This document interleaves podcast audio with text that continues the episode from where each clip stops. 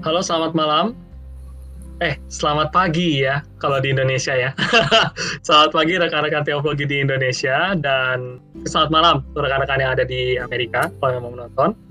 Uh, pada hari ini, saya uh, sangat senang karena kita saya ditemani oleh beberapa rekan dari admin, yaitu ada Mas Titio dari New York. Halo Mas. Lalu juga ada Kak Ferdian dari Elkhart. Halo Kak. Siap. Terus juga ada Adi dari Jogja. Halo Adi. Yang membuat saya lebih senang lagi pada hari ini, uh, kami semua para admin ditemani oleh seorang tamu yang sangat istimewa yaitu Bang Tawar. Nah, Bang Tawar ini Yee. adalah mahasiswa gitu ya. Kandidat, kandidat. Iya, kandidat PhD. Nah, jadi Bang Tawar ini kandidat PhD dari Garrett Theology uh, Evangelical Seminary. Dan saat ini Bang Tawar ada di Evanston ya, betul Bang ya? Betul. Evanston. Ya, wah. Terima kasih Bang sudah mau menemani kami berbincang-bincang di Teologi. Sama-sama. Sama-sama. Dan pada hari ini kita semua akan sama-sama mendiskusikan, berbincang-bincang mengenai antropologi teologis dalam perspektif pasca kolonial. Wah, baru lihat judulnya aja udah wah ya, keren. Bingung. Nah, Gak ini keren gitu ya, udah pasti keren gitu. Nah karena itu tentunya tidak uh, berlama-lama lagi saya langsung memberikan waktu dan kesempatan kepada Bang Tuan untuk memantik pembicaraan kita, diskusi kita pada hari ini. Silakan Bang, langsung. Langsung aja nih. Ya. Oke oke. Uh, terima kasih buat teman-teman semua, uh, buat tim teologi. Uh, nggak nyangka sebenarnya diundang ke sini ke teologi. Uh, udah lama rek di jadwal. Kami sudah menanti-nantikan. ya ya pokoknya inilah uh, ber, bersyukurlah ber apa saya terima kasih udah diundang di sini. Uh, saya kenalan sedikit mungkin lebih jauh. Saya nama saya Toar Hutagalung. Uh, saya sepenuhnya Batak, sepenuhnya Minahasa. Uh, saya lahir dan besar secara nomaden. Saya berpindah-pindah uh, karena mengikuti bapak saya kerja. Jadi um, saya sebenarnya baru menetap itu ketika saya sudah sudah masuk uh, eh, SMP lah. Saya sedang studi doktoral uh, di Garrett Evangelical Theological Seminary, GET, uh, di program PhD. Nama programnya PhD in Theology and Ethical Studies. Tapi itu nama programnya karena sebenarnya saya fokusnya ke teologi dan studi postkolonial. Letak kampus saya ada di kota Evanston namanya, di Illinois, negara bagian Illinois di Amerika Serikat. Bukan Amerika ya, ingat Amerika itu benua. Amerika Serikat itu baru nama negaranya. Uh, saya sedang dalam tahapan penulisan disertasi, jadi mohon doanya supaya saya segera selesai uh, dengan baik.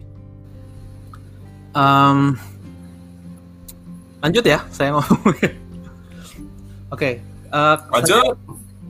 kenapa tertarik dengan topik ini? Um, kenapa saya pengen membawakan topik ini? Uh, sebenarnya saya mau ajak kita semua diskusi soal antropologi teologis dari perspektif postkolonial. Uh, nanti saya jelaskan kenapa saya menyebutnya postkolonial bukan pasca kolonial.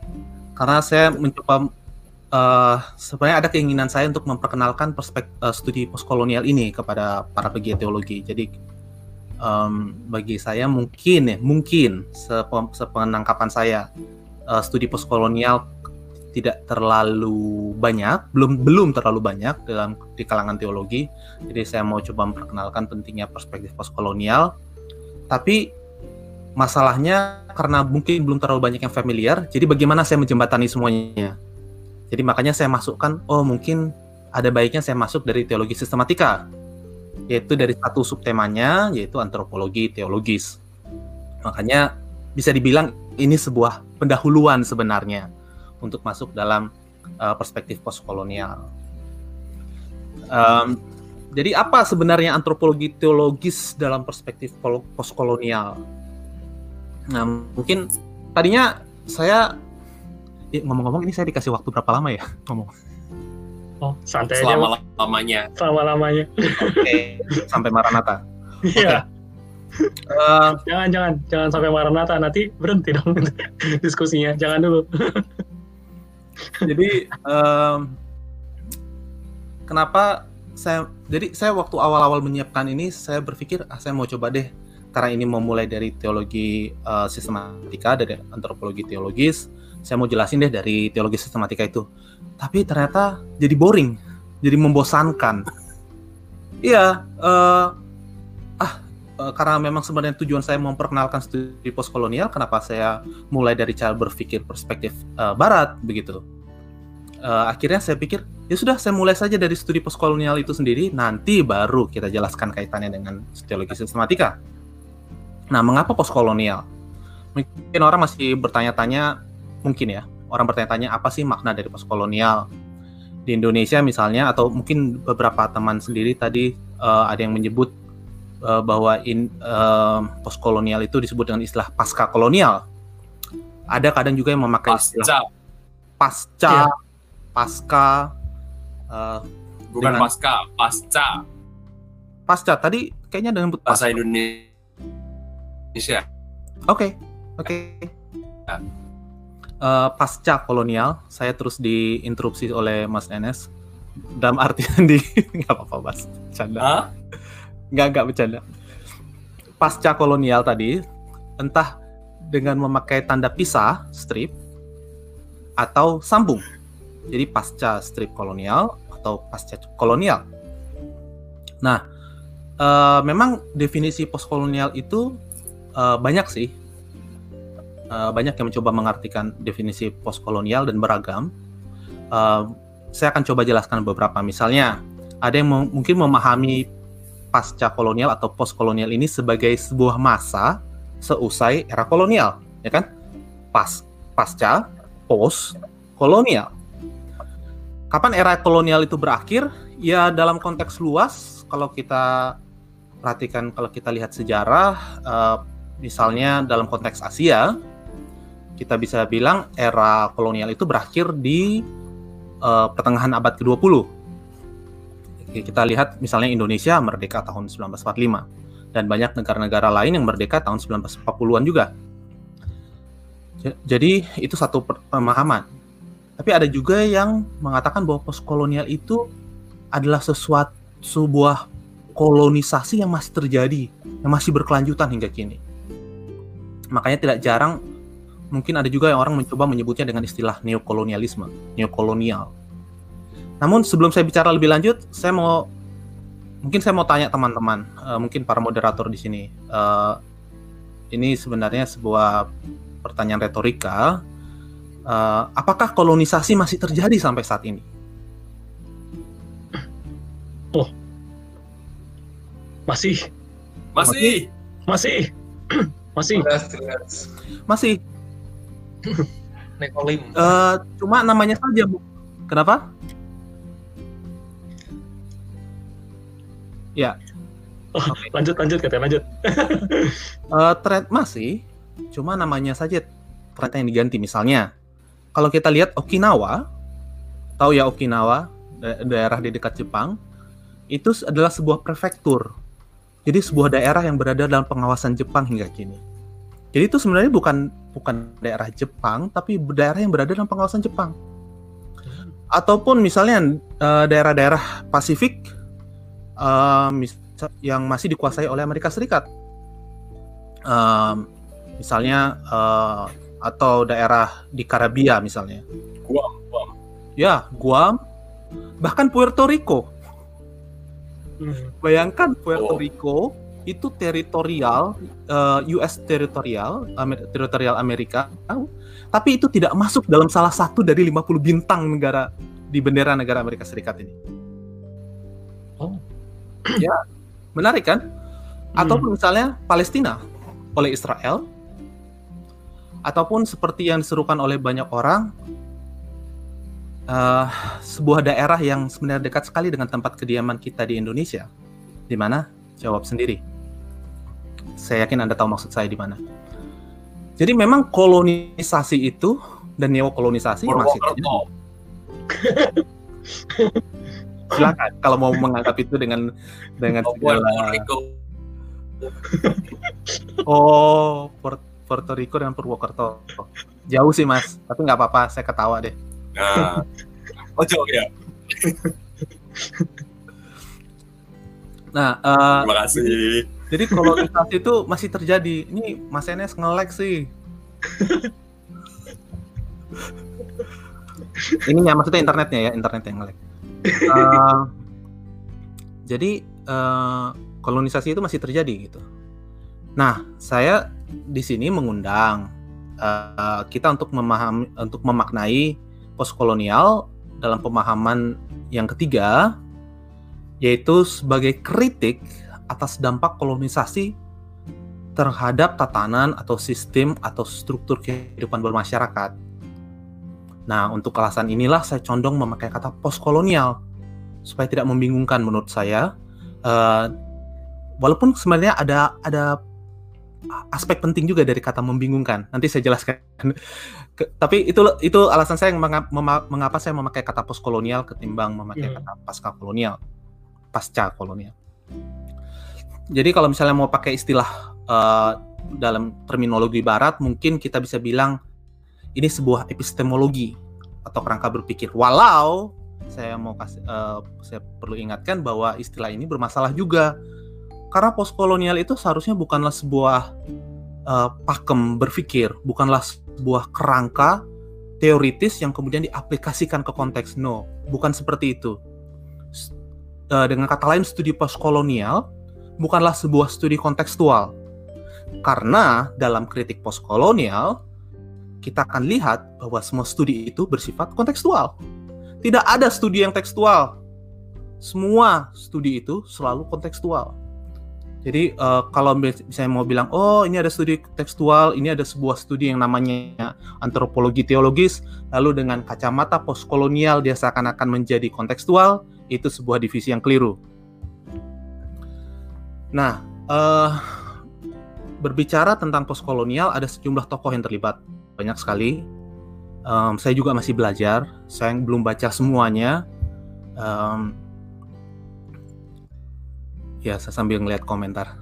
Saya belum baca semuanya, uh, tapi ada orang-orang seperti Albert Memmi, Ngugi Wa Tiong, Tiong Chinua Achebe, Franz Fanon, uh, Gloria Ansaldua, Anne McClintock, Walter Mignolo, John Stuart Hall, Edward Said, Gayatri Spivak, Homi Baba, dan lain-lain. Nah, biasanya orang ketiga orang terakhir yang tadi saya sebut, Said, Spivak, dan Baba adalah tiga orang yang sering kali disebut namanya dalam studi postkolonial. Saya juga nggak tahu semuanya, um, tapi saya coba utarakan sedikit saja dari pemikiran-pemikiran mereka. Boleh ya? Boleh. Hajar. Oke, okay uh, Edward Said misalnya um, saya perlu ambil bukunya sebentar kali ya ya. Sorry. Sorry saya baru ingat. Edward Said misalnya dalam bukunya Orientalisme. Ini buku, uh, salah satu buku yang uh, paling sering dipakai untuk untuk membahas pemikiran Edward Said. Uh, dan apakah itu orientalisme misalnya? Apa apa maksudnya dari judul orientalisme? Ya tentu itu berasal dari kata isme, pemahaman tentang oriental. Nah, apa itu oriental? Nah, mungkin pernah dengar istilah oriental food, oriental restoran, bahkan hotel Mandarin Oriental. ya, jadi uh, oriental di sini sebenarnya merujuk pada lokasi dari sebelah timur dari Eropa saat itu yaitu misalnya uh, walaupun walaupun tidak kini tidak terbatas pada itu pada ketiga ini saja tapi yang Salib bilang adalah uh, lebih kepada misalnya Timur Tengah, Asia dan juga Afrika. Lalu maksudnya apa? Pemahaman tentang Timur Tengah, Asia dan Afrika. Nah, orientalisme itu sebuah paham tentang kehidupan manusia di lokasi-lokasi oriental tersebut. Itu pemahaman itu diciptakan oleh orang barat untuk mendefinisikan ciri-ciri kehidupan orang di sana. Dan kerap kali digambarkan bahwa mereka itu lebih rendah. Lebih rendah dari kehidupan orang Eropa. Jadi misalnya, uh, orang oriental itu serba mistik. Orang barat itu rasional. Orang oriental itu, ini saya pakai tanda kutip karena sebenarnya saya tidak suka pakai kata oriental um, Tapi ya uh, demi untuk menjelaskan orientalisme ini, orang oriental itu katanya primitif, dekat dengan animal, dengan dengan animality, cannibalism dan seterusnya. Tapi orang barat itu katanya western itu European itu katanya berbudaya, berpengetahuan, humanis katanya. Jadi apa yang dilakukan sebenarnya ini adalah sebuah esensialisasi, essence, essence uh, hakikat itu jadi semacam ada ada sosok lalu diambil hakikatnya dan kemudian itu dijadikan semacam uh, kebenaran mutlak untuk semuanya. Untuk keseluruhan. Misalnya contoh lain nih. Uh, saya pakai dengan istilah lain yaitu romantisasi. Uh, romantis romantisasi itu kental dengan elemen waktu. Maksudnya begini. Misalnya uh, Mas Enes orang Jawa. Nggak apa-apa ya Mas. Saya saya pakai Mas Enes terus. Oke. Okay. Mas Enes orang Jawa. Lalu sepengetahuan saya, kalau saya lihat di film-film di sejarah, orang Jawa itu pakai sarung, pakai keris di ke mana-mana, pakai belangkon dan seterusnya. Ah, jadi pasti Mas NS nih sekarang ya di Fordham nih, di di kamarnya sekarang pasti dia di belakangnya nih, di pinggang belakangnya ini lagi pakai keris. Sekarang dia ini lagi pakai sarung nih, gitu. Enggak enggak, di punggungnya ada belangkon, ada belangkon. jadi uh, pasti seakan-akan orang uh, orang Jawa semua itu berperangai serupa. Nah, romantisasi seperti ini, romantisasi masa lalu seperti ini, cara pandang ini itu adalah sebuah esensialisasi, sebuah penghakikatan, sebuah uh, apa ya? Ya esensialisasi seakan-akan semua orang seperti itu. Makanya ada tokoh lain yang namanya John Stuart Hall, Stuart Hall itu menyebut uh, ini juga dengan istilah representasi dan bahaya dari representasi. Sesuatu itu ditampilkan ulang dan diambil menjadi sebuah uh, uh, contoh model dan itu menjadi esensi dari semua yang direpresentasikan. Semua yang ada. Inilah yang dilakukan oleh koloni kolonialis Eropa Barat berabad-abad lamanya. Gambaran ide inilah yang dipakai dan diterapkan ke semua orang bahwa non Eropa itu jelek, buruk, bodoh, tidak ngerti, uh, tidak tahu pengetahuan, tidak berbudaya dan seterusnya. Sementara orang Eropa itu baik, uh, berpengetahuan, bermartabat, uh, ya kebalikannya yang yang tingginya. Jadi sangat dualis sekali cara berpikirnya. Nah, itu tadi Spiva. Eh, Spiva. Uh, Said. Said. Uh, Spivak itu dia juga ada istilah yang lain, misalnya uh, istilah yang paling terkenal ini salah satu bukunya uh, tapi bukan ini sebenarnya buku yang dia menulis uh, tulisannya ya inilah salah satu bukunya Critic of Postcolonial Reason. Jadi dia banyak sekali berbicara misalnya istilah subaltern. Subaltern orang yang ada di bawah lapisan yang di bawah begitu. Yang sebenarnya istilah itu diambil dari istilah uh, Antonio Gramsci Gramsci uh, seorang Italian filosofer yang sebenarnya sedang membicarakan tentang Marxisme. Jadi hubungan dari jadi keberadaan orang-orang pe peasant, orang-orang para petani begitu, uh, proletar uh, dalam relasinya dengan orang-orang burjuis, orang-orang kaya gitu. Nah, tapi Spivak memperluas makna subaltern ini menjadi orang-orang yang marginalized, semua orang yang marginalized dan uh, termasuk misalnya orang-orang yang berada di kasta-kasta terbawah karena Spivak itu sendiri kalau kalian tahu uh, orang Asia orang India uh, dengan segala kasta-kasta yang terbawah itu diperhatikan tetap uh, perempuan-perempuan yang tertindas juga diperhatikan. Jadi mereka semua yang dimarginalize itulah yang sapal nah kemudian pertanyaannya adalah apakah kemudian orang-orang yang berada di lapisan bawah ini bisa melakukan resistensi bisa mem memperjuangkan keadilan untuk kehidupan mereka. Uh, itu yang terkenal dengan istilah uh, salah satu tulisan dia, Spivak mengatakan, can the ups, can the subaltern speak? Bisakah orang-orang yang di subaltern ini berbicara gitu? Uh, pada akhirnya Spivak sebenarnya berkata tidak bisa. Uh, kenapa tidak bisa?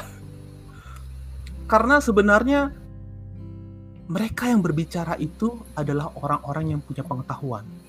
Pengetahuan. Orang-orang yang berbahasa Inggris, orang-orang yang memakai budaya cara berpikir kerangka teoritis modern yang diambil dari Eropa. Bahasa-bahasa humanis Eropa yang mereka bisa sampai pada itu dengan keistimewaan-keistimewaan mereka. Sehingga dengan kata lain kalau kamu mau jadi, mau berbicara, kamu harus menjadi seperti mereka, which is very very difficult, sangat-sangat sulit. Hmm. Dengan kata lain, speaking is a language of the colonizer. Wow. Uh, nah, senada dengan ini sebenarnya uh, kalau kita misalnya mengikuti, mengikuti pemikir-pemikir psikoanalisa seperti Jacques Lacan, itu dia ada juga menyebut hal-hal yang mirip seperti ini dengan istilahnya law of the father. Um, itu dan kalau kalian juga misalnya tertarik membahas Kristeva, Julia Kristeva, dia juga membahas ini dalam perbincangan semiotik versus simbolik. Uh, intinya ingin mengatakan bahwa pada akhirnya manusia itu yang awalnya mengenal bahasa ibu dalam janinnya, kemudian ketika ia terlahirkan, ia kemudian mengenal bahasa dunia, bahasa simbolik. Jadi dengan logika yang sama, subaltern itu kalau memang mau terlibat dalam uh, berbicara dalam dunia yang kolonize itu harus berbicara dalam bahasa kolonisasi. Nah, pertanyaannya kemudian, kalau begitu, apakah the subaltern really, really, really, really cannot speak in some way uh, dalam dalam uh, format tertentu? Akhirnya uh, Spivak memakai istilah yang namanya strategic essentialism. Esensialisme dipakai, tapi dipakai sebagai sebuah bentuk yang strategis. Maksudnya apa? Maksudnya begini, kalau di Amerika Serikat, mungkin sering dengar ya, eh, orang-orang hitam disebut dengan black, ya kan? Uh, mereka tidak menyebut dengan kata N, yang tentu saja saya tidak mau sebut di sini, N word, kata N, tapi mereka menyebutnya dengan kata hitam. Mari kita pikir baik-baik, bagaimana orang hitam itu direndahkan, ditindas uh, dengan segala rasisme yang terjadi, itu karena kehitaman mereka, ya kan? Karena kehitaman mereka maka mereka ditindas. Tapi pada akhirnya sekarang kita lihat Black Lives Matter, oke? Okay? Ada gerakan yang justru mengatakan dengan jelas Black Lives Matter. Uh, kenapa gitu? Nah inilah yang disebut uh, bisa dibilang kalau dari perspektifnya Spivak sebuah strategic essentialism. Bukan dalam ini bukan bukanlah sebuah esensialisasi belaka bahwa ada yang namanya hitam black, tapi justru ini dipakai sebagai bahasa itu tadi untuk mengkritik struktur yang ada atau misalnya yellow. Orang-orang Asia dulu dibilang yellow yellow yellow yellow uh, yellow peril gitu ya. Tapi kemudian orang Asia di konteks uh, ini konteks Asian American ya konteks Amerika Serikat uh, mereka bilang ya oke okay, yellow peril tapi menjadi yellow power gitu. Walaupun sekali lagi ada bahaya esensialisasi, esensialisasi mengapa misalnya di kalangan Asian American sendiri tidak mau semua menggunakan istilah yellow karena misalnya hmm. banyak orang Asia yang semen kulitnya tidak yellow gitu. Jadi uh, itu uh, strategic essentialism. Sebuah cara yang dipakai untuk mendekonstruksi cara berpikir dunia yang sudah dibaptis oleh modernisasi ini. Oleh cara berpikir barat ini. Makanya uh, Spivak itu uh, berkata penting sekali yang yang namanya uh, strategic essentialism ini sebagai salah satu cara untuk mendekonstruksi. Uh, saya sebenarnya masih mau ngomong banyak, tapi uh, saya nggak tahu sampai berapa lama oh, ya. Gak apa-apa, Bang Tor, gak apa-apa. Betul ya? Santai. Stop betul, aja betul. ya. Uh, kita bisa stop di mana aja, nggak apa-apa, nggak masalah. Uh, yang ketiga, Baba misalnya um, terkenal sekali dengan istilah mimikri. Uh, apa sih itu mimikri misalnya? Mimikri itu kalau saya bisa pendeknya gitu menjelaskan bahwa mimikri itu menceritakan bagaimana ada keinginan orang untuk mengikuti, untuk mencontoh yang menindas dia. Jadi the colonized ada tendensi untuk meniru yang the colonizer. Mimikri seperti bunglon kan, meniru hmm. ya kan. Nah, masalahnya uh, misalnya dalam uh, dalam ceritanya Homi Baba itu eh, orang-orang uh, yang mencoba meniru misalnya orang-orang India mencoba meniru the colonized uh, British itu tidak akan pernah bisa menjadi seperti mereka. Misalnya, mereka try to be white, mereka mencoba menjadi seorang kulit putih dan hampir menjadi seorang kulit putih, tapi tidak akan pernah bisa sama. Almost but not quite white, itu katanya Homi Baba. Jadi ada sebuah uh, ada selalu sebuah perbedaan yang tidak akan pernah sampai ke situ. Nah, ini ini menarik sebenarnya kalau kita mau bahas lebih lanjut tentang model minority di Asian Amer uh, di kalangan Asian American di Amerika Serikat yang katanya oh ya kita bisa menjadi seperti orang kulit putih yang yang yang kaya dan baik dan teratur hmm. seperti itulah kata-kata itu. Tapi no, no tidak akan bisa. You will never be white. Uh, so almost but not quite white. Tapi justru kata Homi Baba, aspek ketidaksamaan ini, aspek perbedaan ini, aspek sesuatu yang yang licin ini itu justru memiliki makna yang penting. Karena dia bisa menjadi sebuah cara untuk melawan normatif, norm, melawan standar. Misalnya, ada yang namanya hitam, ada yang namanya putih. Tapi ternyata ini ada yang sesuatu di tengah-tengah, ruang ketiga gitu kan, the third space katanya Homi Baba. Sesuatu yang yang mungkin bukan hitam tapi juga ternyata bukan putih.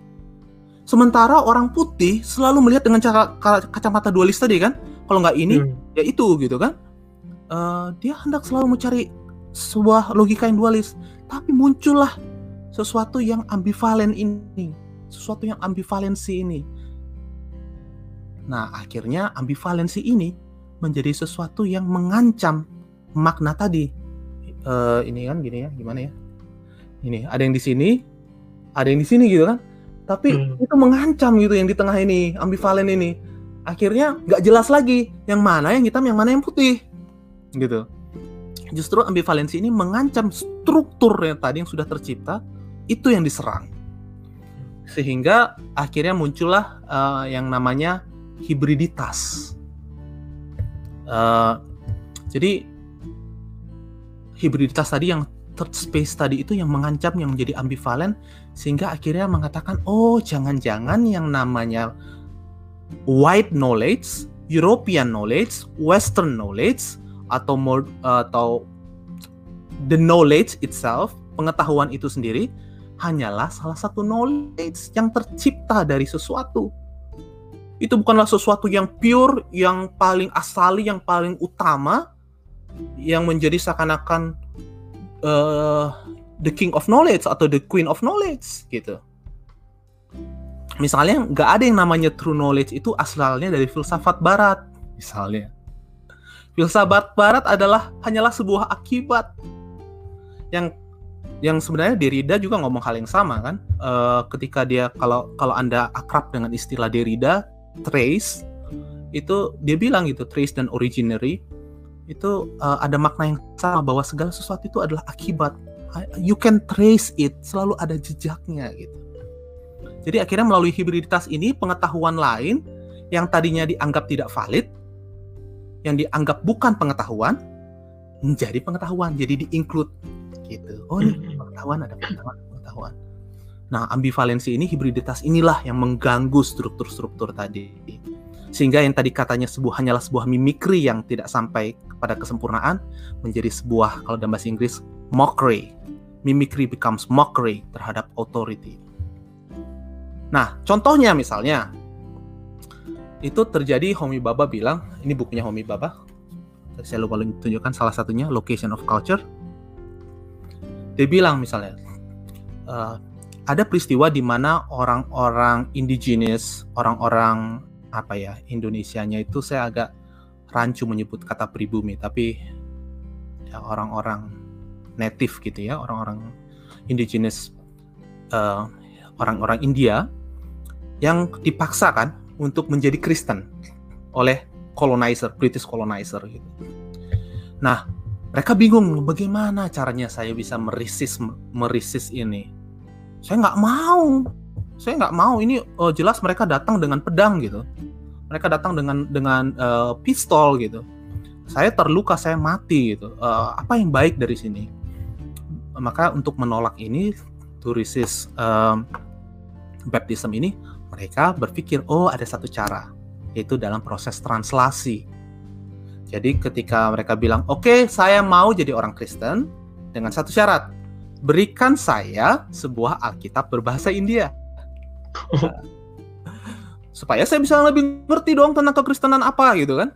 Nah itu menjadi sebuah uh, sebuah ketegangan karena kemudian mereka percaya bahwa yang terbaik itu bahasa Inggris satu dan yang kedua yang terbaik itu uh, dalam susunan gramatikal bahasa Inggris sehingga ketika itu diterjemahkan takutnya akan hilang makna itu.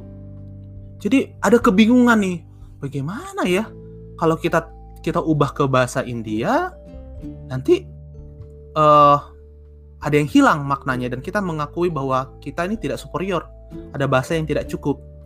Tapi kalau kita tidak lakukan itu, kita nggak bisa membaptis mereka, mereka nggak bisa mengenal kekristenan. Nah, seperti itu.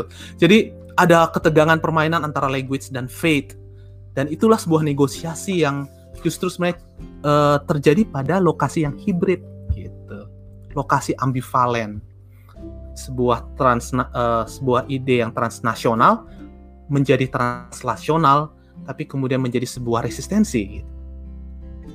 sebenarnya ide-ide translasi ini uh, kalau kita lihat kan banyak sekali ya uh, dalam dalam uh, dalam biblika studi postkolonial terhadap biblika pendekatan studi postkolonial terhadap biblika. Itu saya belajar banyak juga uh, dari berbagai teman-teman terutama misalnya Pak Eka Putra Tupamahu ya. Uh, beliau sangat uh, kons konsisten dan concern dalam hal itu. Misalnya ada satu artikel uh, dari seorang seorang teolog bernama Musa Dube, Musa Dube yang mm -hmm. yang kemudian meneliti bagaimana pemak misalnya ada sebuah translasi Musadobe African ya African uh, se uh, ada sebuah translasi uh, terhadap kata roh jahat itu memakai bahasa uh, Afrika yang sebenarnya artinya ancestor. Oh itu bahaya sekali kan? Jadi cara pandang tentang ancestor itu diubah oleh translator, oleh colonizer, sehingga sehingga akhirnya pada saat yang sama diedukasi melalui pembacaan Alkitab bahwa ancestor is evil spirit which is not true gitu. Itu yang dikritik sama Musa Dube atau misalnya uh, kalau anda sering mendengar uh, teolog Sugirta Raja hmm. ya uh, itu dia ada membahas satu kisah tentang Lazarus yang miskin yang ada di pangkuan Abraham. Tahu ya kisah itu ya di Injil ya uh, lalu di situ dibilang bahwa seakan-akan kan oh, banyaklah terjemahan yang di, diberikan di situ tafsiran-tafsiran. Tapi Sugirta Raja justru mengkritik lihatlah Lazarus yang miskin. Ketika dia miskin dia nggak bisa berbuat apa-apa. Dia hanya makan bahkan mati sampai boroknya dijilati oleh anjing ya kan? Tapi pas sampai pas sampai dia mati pun ketika terjadi dialog uh, antara yang si orang kaya uh, dengan dengan Abraham itu Lazarus tidak di kisah kalau anda baca kisah Alkitabnya Lazarus tidak berbicara sedikit pun. Dia hanyalah ada duduk di pangkuan Abraham. Kalau kita lihat pakai perspektif kolonial kata Sukita Raja lihatlah bagaimana sampai dia mati pun dia tidak bisa berbicara. Sampai dia mati pun dia masih dalam kungkungan orang yang berkuasa Abraham itu dikritik kita harus lihat bahwa ada hal-hal yang perlu kita perhatikan. Jadi memang postkolonial ini kalau uh, saya suka perkataannya Franz Fanon uh, itu postkolonial ini mencoba untuk mengkritik yang namanya norma yang sudah dianggap sangat nyaman. Orang yang sudah menganggap bahwa ini sudah menjadi core belief, belief yang paling as, hakiki yang as, yang inti dalam kehidupanmu tapi itu kemudian diganggu sama postkolonial. Karena ditantang apakah itu memang benar-benar menolong benar-benar uh, baik untuk semua orang? Benar-benar baik untuk semua manusia? Jadi uh, mungkin saya uh, singkat saja akhirnya dari sinilah kemudian kita mengkritik kembali cara berpikir um, pengetahuan yang ada itu termasuk dalam dunia teologi filsafat-filsafat yang masuk misalnya Descartes oh, dengan istilah cogito ergo sum. Bayangkan, aku berpikir maka aku ada. Kalau aku tidak berpikir maka kamu tidak ada. Kalau aku tidak berpikir maka kamu bukan manusia. Bahaya sekali kan? Manusia dilihat dari cara dia bisa berpikir atau tidak. Ini bahaya sekali buat disabilitas. Ini bahaya sekali buat uh, studi-studi yang lain itu uh, dan bukan hanya Descartes, Kant, Hegel yang katanya dipuja-puja orang, uh, Montesquieu, John Locke hingga katanya seorang uh, pendiri konstitusi Amerika Serikat Thomas Jefferson. Itu banyak sekali cara berpikir mereka yang sebenarnya tidak menghargai manusia. Nah, itu dikritik dan itu memang akhirnya muncul di abad-abad akhir abad 19 dan abad ke-20 dalam teologi. Akhirnya mereka berpikir, "Oh, kita nggak bisa lagi berbicara teologi antropologis, antropologi teologis dari perspektif misalnya bicarakan kemanusiaan dari sisi Yesus Kristus. Ya kan? Coba deh lihat deh buku-buku theological anthropology yang lama-lama. Pasti bahasnya tentang uh, bagaimana apakah manusia itu punya jiwa uh, tubuh dan jiwa atau bagaimana apakah punya apakah dikotomi atau trikotomi Origenes uh, lalu selalu melihatnya akhirnya pada Yesus gitu. Sekarang Yesus dianggap sebagai salah satu ya contoh utama gitu kan. Um, sesungguhnya Allah, sesungguhnya manusia. Jadi manusianya bisa dilihat dari situ. Tapi ternyata pada akhir abad 19 itu semua pertanyaan-pertanyaan seperti ini mencuat dan akhirnya oke, okay, kita butuh satu subtema yang berbicara secara khusus uh, tentang manusia. Uniknya sekali lagi, masih sekali lagi pengaruh dari cara berpikir barat pada akhirnya uh, dinamai bukan antropologi, tapi antropologi teologis. Mesti ada embel-embel teologis terakhirnya. Coba kita lihat ketika berbicara tentang eskatologi, eh, hal-hal terakhir, eskatologi. Ketika Kristus, kristologi, Roh Kudus, pneumatologi, bahkan ketika berbicara tentang dosa, harmartiologi, bicara tentang gereja, eklesiologi, berbicara tentang apa lagi? Keselamatan, soteriologi. Tapi ketika bicara tentang manusia, bukan antropologi, antropologi teologis. Karena dianggap antropologi itu masih terpisah menjadi sebuah disiplin tersendiri. Dianggap seakan-akan oh kalau kita berbicara antropologi, kalau kita berbicara tentang uh, disiplin ilmu itu sebut itu hanyalah disiplin ilmu yang berbeda. Tidak pernah teologis, maka harus dibuat teologis. Tapi uh, sekali lagi mungkin ini sebuah strategic essentialism juga untuk tetap memakai theological anthropology, tapi isinya adalah pemahaman yang seperti ini, pemahaman yang yang baru. Oleh karena itu, uh, makanya saya rasa ini sangat penting dalam theological anthropology. Kenapa? Dalam teologi sistematika, kenapa? Karena pada akhirnya postkolonial bisa kita pakai untuk mengkritik cara-cara cara-cara memahami manusia yang menekankan tadi pada intelektualitas. Dan kita bisa memperluasnya pada makna disabilitas, bahkan ada istilah lain yang namanya debilitas. Kita kritik postkolonial bisa diberikan pada rasisme yang hanya berpusat pada kemurnian ras. Tapi bukan hanya itu saja, juga pada struktur yang menyebabkan uh, rasisme itu terus berjalan. Postkolonial juga bisa diberikan pada para pendatang, settler colonialism istilahnya. Kita bisa berbicara lanjut tentang itu. Tapi juga kita bisa berbicara tentang uh, para uh, penguasa itu sendiri kita bisa memakai postkolonial dalam kritik terhadap modernisme, terhadap neoliberalisme, tapi juga pada orang-orang yang tidak mau mengajukan diri pada kehidupan dunia. Kita bisa memakai postkolonial untuk mengkritik uh, seksisme yang terjadi, tapi juga bisa juga kita pakai untuk mengkritik gay pride. Wow, uh, kenapa? Karena selalu ada selalu interseksi-interseksi lainnya. Uh, bahkan uh, juga postkolonial bisa kita pakai untuk melihat mengkritik bagaimana kerap kali terjadi hegemoni Kristen dan sering kali Kristen dalam teologinya misalnya ketika berbicara berbincang atau berbicara tentang agama-agama lain, agama-agama lain selalu dijadikan sebagai objek objek pengetahuan. Atau misalnya sekali uh, hal yang lainnya adalah uh, bagaimana selalu kita mengiyakan yang namanya keamanan, security, sekuritas, militerisasi, polisi, disciplining, hal-hal seperti itu.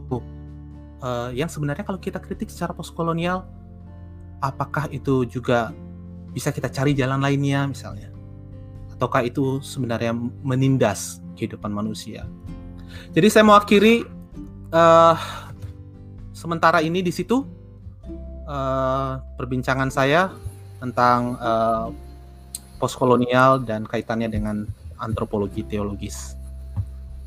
Wih, keren banget, keren, luas, dalam, menarik sekali ya banyak yang saya dapatkan selama Bang Tono memaparkan ini ya. Uh, oh, selama kita berdiskusi ya. Saya mau ngomong tadi satu, maaf ini. Boleh boleh. Terima Silakan. kasih uh, Laila Fitri ya. Uh, bukan hanya African tapi woman, African woman, African womanist. Ya terima kasih. Uh, Musa maaf. Musa Dupe itu ya rasanya. Tadi maksudnya ya. Inilah tapi Musa Dupe, African woman, womanist, African uh, womanist. Ya. ya. Nah, tunggu tunggu tunggu. Oh, womanist berbeda dengan woman lo ya. Oh iya iya iya ya. Womanist ber uh, dia beda dengan woman karena womanist kan ya. Ya ya. Uh, nggak nggak semua woman Apa itu. Apakah Musa Dube menyebut dirinya sebagai womanist atau woman? Karena womanist itu kan dengan feminis. Uh... Right. Uh, memang selalu woman itu menjadi womanist ya. Uh, dan womanist itu adalah uh, sebutan untuk black feminist ya. Um, saya lupa. Seingat saya, seingat saya ada artikel yang pernah menyebutkan itu bahwa dia adalah seorang African womanist.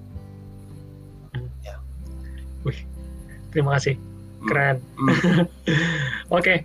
mungkin dari teman-teman yang lain ada tanggapan atau ada diskusi lanjutan, mungkin dari Adi atau Bung Per, Mas Yo?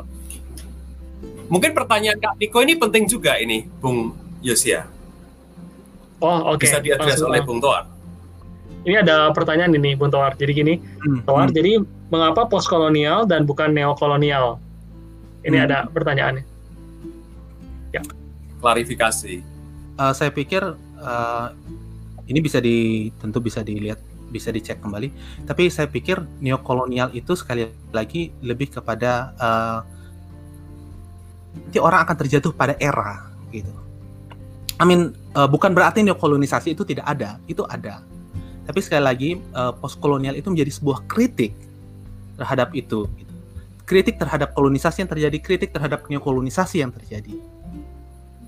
Jadi makanya saya lebih suka ketimbang memakai pasca kolonial supaya orang tidak bingung saya pakai kata postkolonial. Hmm. Dan langsung dikaitkan tadi ya dengan yang kritik itu ya. Jadi langsung ya, ya langsung ditajamkan ke situ ya. Ya. Mantap, mantap. Mungkin se uh, sebelum masuk ke respon, oh ini ada respon lain juga ini. Hmm. Ini dari Albert ini, Bang hmm. Tawar. Hmm. Ada pertanyaan, apakah modernisasi yang Din Tawar rujuk, wih, Din. hormat. Terutama ketika mengulas Said dan Spivak adalah model modernisasi modernisasi Eropa abad ke-15 hingga ke saat ini. Lalu bagaimana studi postkolonial memandang konsep multiple modernities? Wah, wah ini baru hmm. bagi saya. ini pertanyaan, pertanyaan susah nih. Semuanya ini kasih pertanyaan susah nih. Uh, terima kasih udah ngomong saya Din. saya bukan Din ya. Tolong buat semua saya bukan Din, saya hanya student um,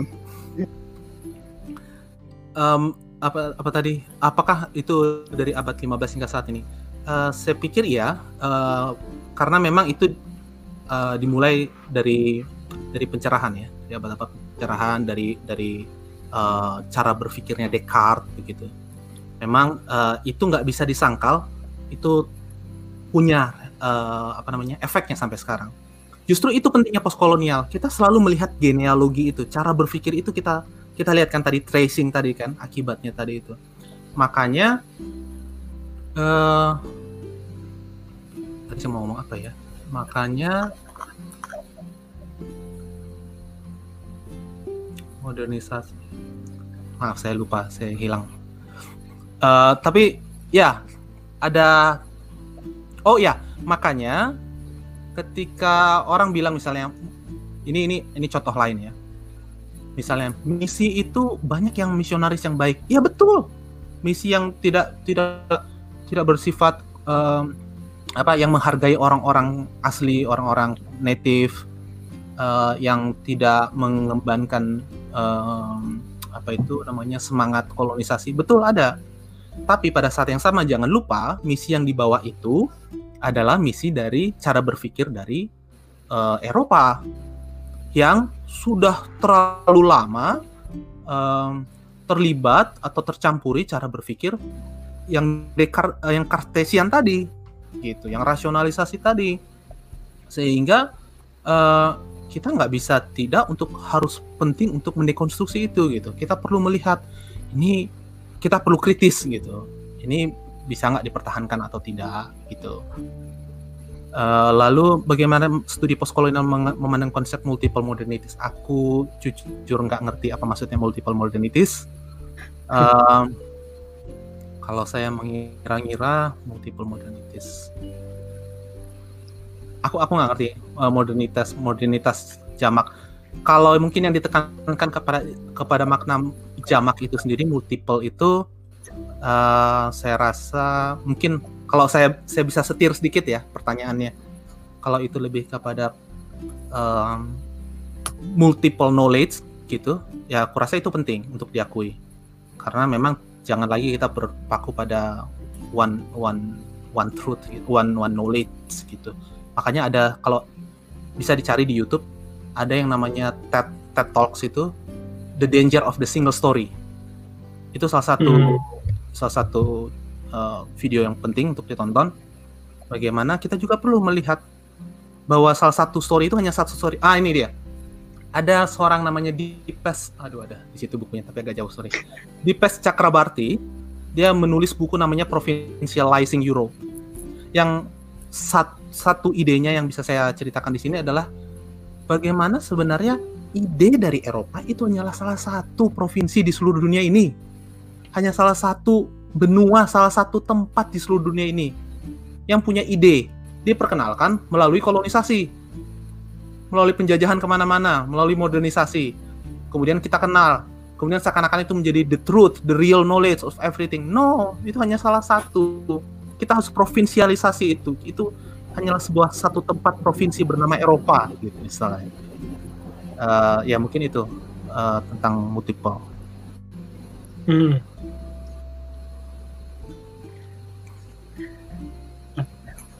ngomong-ngomong nih Kapep mau tanya? Ya. Ya. Iya uh, Bung Tor thank you. Ini apa presentasinya dalam banget ya. Uh, buku-buku yang di yang disebutkan saya nggak saya belum terlalu familiar. Pernah dengar namanya saya cuma baca satu dua bab aja gitu loh. Dan malam ini saya makin makin paham lah sama aja uh, apa yang udah beneran beneran. Saya nggak sama. luar biasa ya uh, lebih lebih ngerti lah. Uh, jadi saya kalau di di sini juga uh, studi postkolonial belum nggak kami nggak ada di sini mata kuliah studi postkolonial. Cuma baca beberapa sub, uh, subchapter aja ya Nah cuma kalau tadi dengar Bung Tuar ngomong, khususnya waktu Bung Tuar ngomong soal apa mimikri ya mungkin ya kalau nggak salah ya hmm. uh, dari Baba tadi ya. Saya saya ingat uh, bukunya Willie Jennings. Nanti mungkin NS bisa koreksi saya kalau saya keliru ya. Uh, Willie Jennings kan di bukunya uh, Christian Imagination itu ya. Uh, kalau nggak salah subtitlenya kan uh, Theology and the Origin of Race. Nah di satu satu babnya itu dia kan bahas satu tokoh abolisionis uh, Afrika ya, yang dulunya budak, yang kemudian melakukan campaign anti perbudakan sebelum Wilberforce gitu. Uh, kalau nggak salah namanya Equiano kan.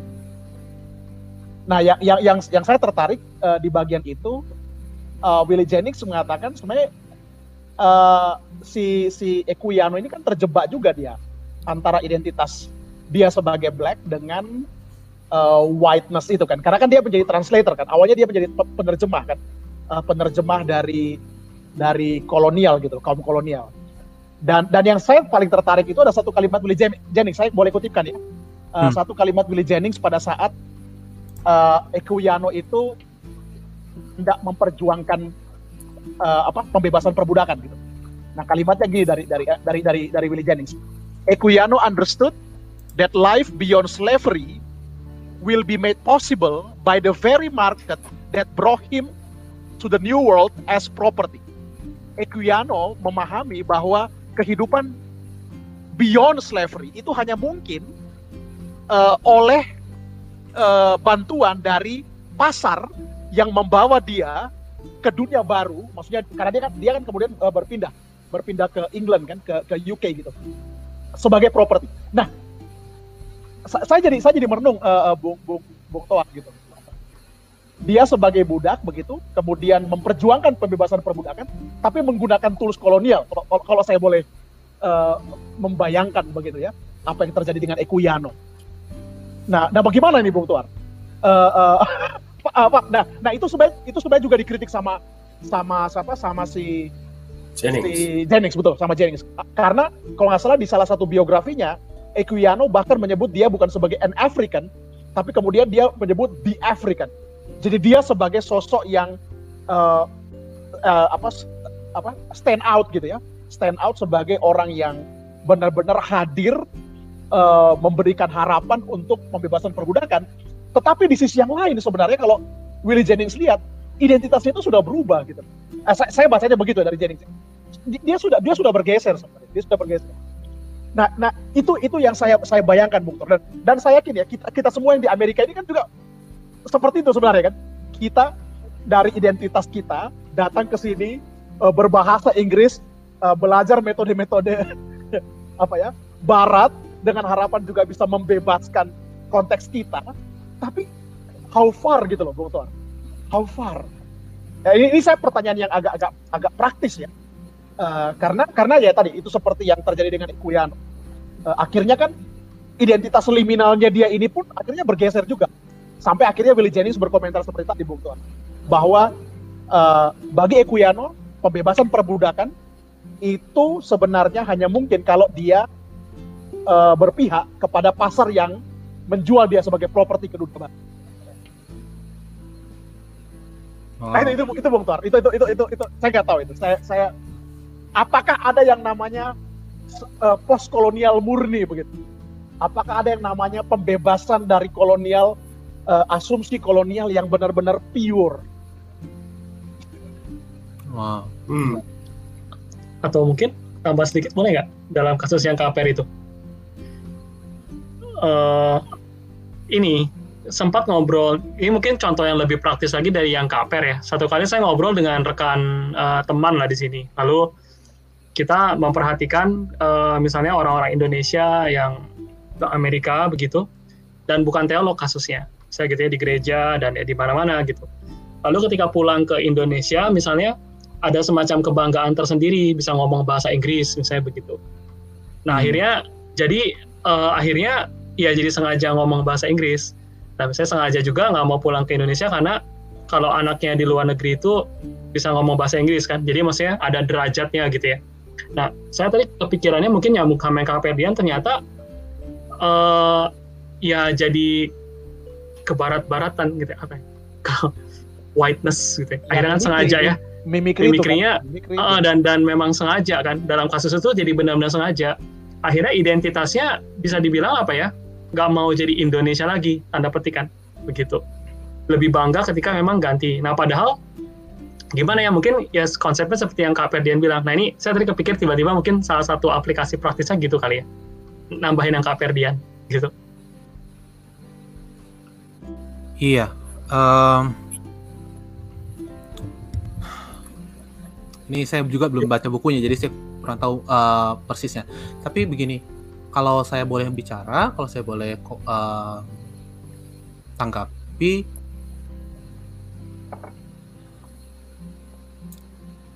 saya nggak yakin juga apakah um, ya ya mungkin kayak tadi ya implikasi yang Pak Ferdian bilang gitu. Um, gini deh, Amer ini nggak tahu mudah-mudahan sama ya, mudah-mudahan sama logikanya. Amerika Serikat itu kita tahu adalah sebuah sebuah sebuah salah satu negara yang menjadi pusat dari banyak hal termasuk uh, pusat untuk studi. Dan ketika kita mengatakan pusat untuk studi, kita juga berarti mengakui bahwa adanya sebuah dominasi, sebuah uh, otoritas yang di yang diakui oleh banyak tempat dan pengetahuan ini, sumber ini, tempat ini, lokasi ini, Amerika Serikat ini menjadi sebuah lokasi yang colonizer sebenarnya. Uh, dalam artian yang lebih luas. Sehingga ketika misalnya kamu belajar postkolonial, kamu belajar di Amerika Serikat di tempat orang penguasa. Misalnya, begitu mungkin ya, mirip ya. Uh, kemudian uh, jadi bagaimana gitu? salah satu dosen saya saya ingat sekali pernah bicara begini um, memang tampaknya ketika kita berbicara tentang liberation itu gak hanya dilakukan di uh, tepian gak hanya dilakukan di marginal karena ketika kita melakukannya di marginal ada kecenderungan untuk kita tidak didengar justru kemudian kita pergi ke pusat, ke tengah, supaya kita mendekonstruksi apa yang sudah menjadi uh, tatanan utama di tengah itu. Dengan logika yang sama, saya mungkin bisa bilang bahwa terkadang kita harus uh, strategic essentialism in some way. Uh, ketika saya akhirnya belajar di Amerika Serikat memakai bahasa kolonial, bahasa Inggris dan memakai itu untuk mengkritik para penguasa. Untuk mengkritik orang-orang bahasa Inggris ini. Untuk mengkritik mereka yang sudah terbiasa dengan bahasa Inggris, mereka yang terbiasa dengan bahasa-bahasa kolonial, mereka yang terbiasa dengan situasi kolonial, kalau saya bisa bilang lebih tepatnya, supaya mereka mengerti apa yang terjadi adalah apa yang kalian lakukan di negara lain, apa yang kalian lakukan terhadap orang lain adalah sebuah kolonisasi. Jadi aku belajar uh, bukan uh, untuk saya menjadi uh, seperti kolon seperti yang kolon uh, colonizer tapi aku belajar supaya justru aku bisa mengkritik colonizer lagi-lagi memang di, sinilah ketegangan itu the, the law of the father itu kalau katanya Lakang itu uh, kita kembali akhirnya menggunakan uh, colonial tools uh, mungkin itu yang dilakukan oleh uh, Equino Equiano. Equiano. Equiano. Uh, walaupun uh, sekali lagi makanya postkolonial makanya sering kali buk, uh, dalam studi-studi postkolonial juga tidak cukup hanya postkolonial tapi dekolonial. Jadi ada selalu ada selalu aksi dekolonial, aksi lanjutan dari cara berpikir cara kerangka postkolonial tadi. Mungkin itu dan makanya ketika tadi nyambung ke Yosia uh, ya memang itu nggak bisa terhindarkan. Akan ada orang yang melihat kita seakan-akan sombong mungkin atau menjadi seperti colonizer tapi kalau kita juga sadar kita nggak akan pernah. Will never be the white. Will never be white. Will be all only hanya uh, quite white not fully white gitu. Tidak seutuhnya white. Dan itu harusnya dijadikan sebuah kekuatan. Itu jadikan sebuah kekuatan kesadaran yes ini sebuah kekuatan yang besar yang kita punyai kekuatan ambivalensi untuk uh, mengatasi ini semua saya saya boleh tambah berarti, sedikit aja sedikit aja saya boleh tambah sedikit saya, aja. saya yellow agak white ya berarti ya saya, saya tambah sedikit aja ya. Uh, saya yeah. tambah sedikit aja uh, mungkin saya nggak tahu Bung Tore tapi uh, yang saya mungkin uh, lihat karena memang uh, saya setuju NS ya waktu saya pernah diskusi dengan NS soal bukunya Willie Jennings itu mm-hmm. itu kompleks sekali ya kompleks dan walaupun dia bentuknya narasi ya karena uh, Willie Jennings itu kan menceritakan tentang asal mula rasisme dan kolonialisasi itu dengan dengan narasi empat narasi kan jadi dan dia membawa kita berimajinasi makanya judulnya kan Christian Imagination nah uh, yang sa- saya mungkin lihat ada satu satu lokus yang perlu mungkin juga ditambahkan, uh, Bung. Saya nggak tahu ini hmm, hmm, hmm, hmm. Uh, dalam konteks uh, kolonialisme itu soal displacement. Jadi uh, Ekuyano dalam dalam kasus itu mengalami displacement karena dia hmm. kemudian uh, berpindah kan. Uh, mungkin hmm. spiritnya sama begitu ya, uh, semangatnya sama bahwa dia ingin membebaskan masyarakatnya, tapi karena dia mengalami displacement dari Afrika ke ke UK begitu ya, dan dia hidup di sistem itu, dan itu yang kalau nggak salah uh, Willie Jennings sempat sampaikan dia uh, dia mengusulkan adanya apa, apa uh, dia tidak mengalami intimasi lagi dengan dengan culture mula-mulanya. Jadi dia dia sudah apa ya terserap terhisap masuk dalam ya kultur kolonial karena karena pada akhirnya kalau nggak salah Ikuyano itu kan menerapkan sistem UK sebenarnya di, di jadi ya neokolonial lagi di daerah yang sudah katanya mau dibebaskan dari perbudakan dengan agama Kristennya dan segala macam. Jadi itu itu yang itu yang uh, kalau nggak salah Willy Jennings tekankan. Tapi thank you Bung.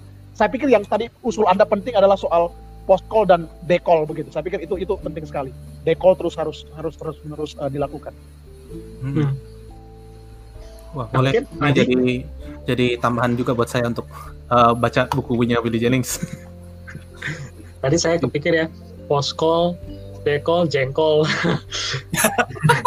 Kempal aja sekalian. Tapi ada atau masih ada apa yang tadi dikatakan oleh Bang Toar, Bung Toar bahwa uh, kita juga uh, kalau bisa bisa memakai essentialism uh, strategi itu uh, untuk melawan. Saya pikir yang paling tepat ya Yosia ya karena dia ada di Washington DC sekarang ini. gitu ya. Saya di pusat kekuasaan. di pusat kekuasaannya.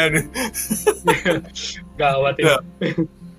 Ya ya, uh, terima kasih Bung Tuar. Jadi apa yang di, disampaikan oleh Bung Tuar? Oh, mau memberikan tanggapan? Ya, Silakan. Ya, menarik, menarik sekali tadi uh, ngomong Washington DC. Karena kalau kita lihat juga Amerika Serikat, Washington DC itu bukan state. Iya. Yeah. Menarik ya? Iya, iya, iya betul. Bukan state. Tapi District yang lain itu adalah state. Washington DC adalah District of Columbia, di mana White House tempat presiden, tempat pemerintahan itu, pusat pemerintahan federal itu ada tapi yang lain dianggap state. Apa maksudnya? Oke, okay, Dekat tinggal lihat ke arah situ. Seperti seperti DKI juga daerah khusus ibu kota. Kenapa bukan provinsi Jakarta? Nggak ada kan provinsi Jakarta kan? Tapi provinsi DKI. Ya, provinsi, provinsi DKI. Provinsi, daerah provinsi khusus. DKI betul. Provinsi da daerah khusus betul. Ya, ya, ya. Hmm, hmm, hmm, Sorry tadi potong. Silakan Mas. Ah, iya iya menarik. Uh, uh, yang disampaikan ini menarik. Um, apa? Nah, yang yang menjadi pertanyaan saya adalah justru begini. Uh, ya, ini ini memicu memicu dan dan semoga memikirkan ya. Hmm. Um, jangan-jangan uh, bahwa wacana postkolonial dan dekolonial ini adalah justru juga merupakan sebuah diskursus karena konteks kita Barat. Hmm. Dalam arti yang lain, kekristenan yang kita terima itu adalah memang kekristenan yang di uh, wariskan oleh uh, tradisi Barat. Hmm. Nah, jangan apakah justru yang saya pikirkan adalah hal ter, hal ini sendiri harus diprovinsialisasi karena mengingat ada Kristen-Kristen yang lain juga yang saya sebut uh, misalnya Kristen Timur dan lebih khusus lagi Kristen Oriental uh, yang dianggap juga periferi oleh oleh uh, kekristenan-kekristenan yang dominan baik itu Ortodoks Timur Yunani maupun Barat. Namun menariknya semua gereja-gereja ortodoks itu mengaku bahwa mereka itu ekumenikal. Dalam arti mereka punya satu iman. Hmm. Yang menarik adalah justru pada waktu saya di Ethiopia, pengalaman saya di Ethiopia, ketika saya ketemu dengan uh, orang yang uh, imam pada waktu itu, uh, uh, apa? Dia bertanya, kamu percaya apa? Lalu saya pertanyakan, saya omong, saya percaya seperti ini, seperti ini, seperti ini. Hmm yang ditanyakan justru adalah kamu percaya Trinitas tidak? Kamu percaya Maria tidak?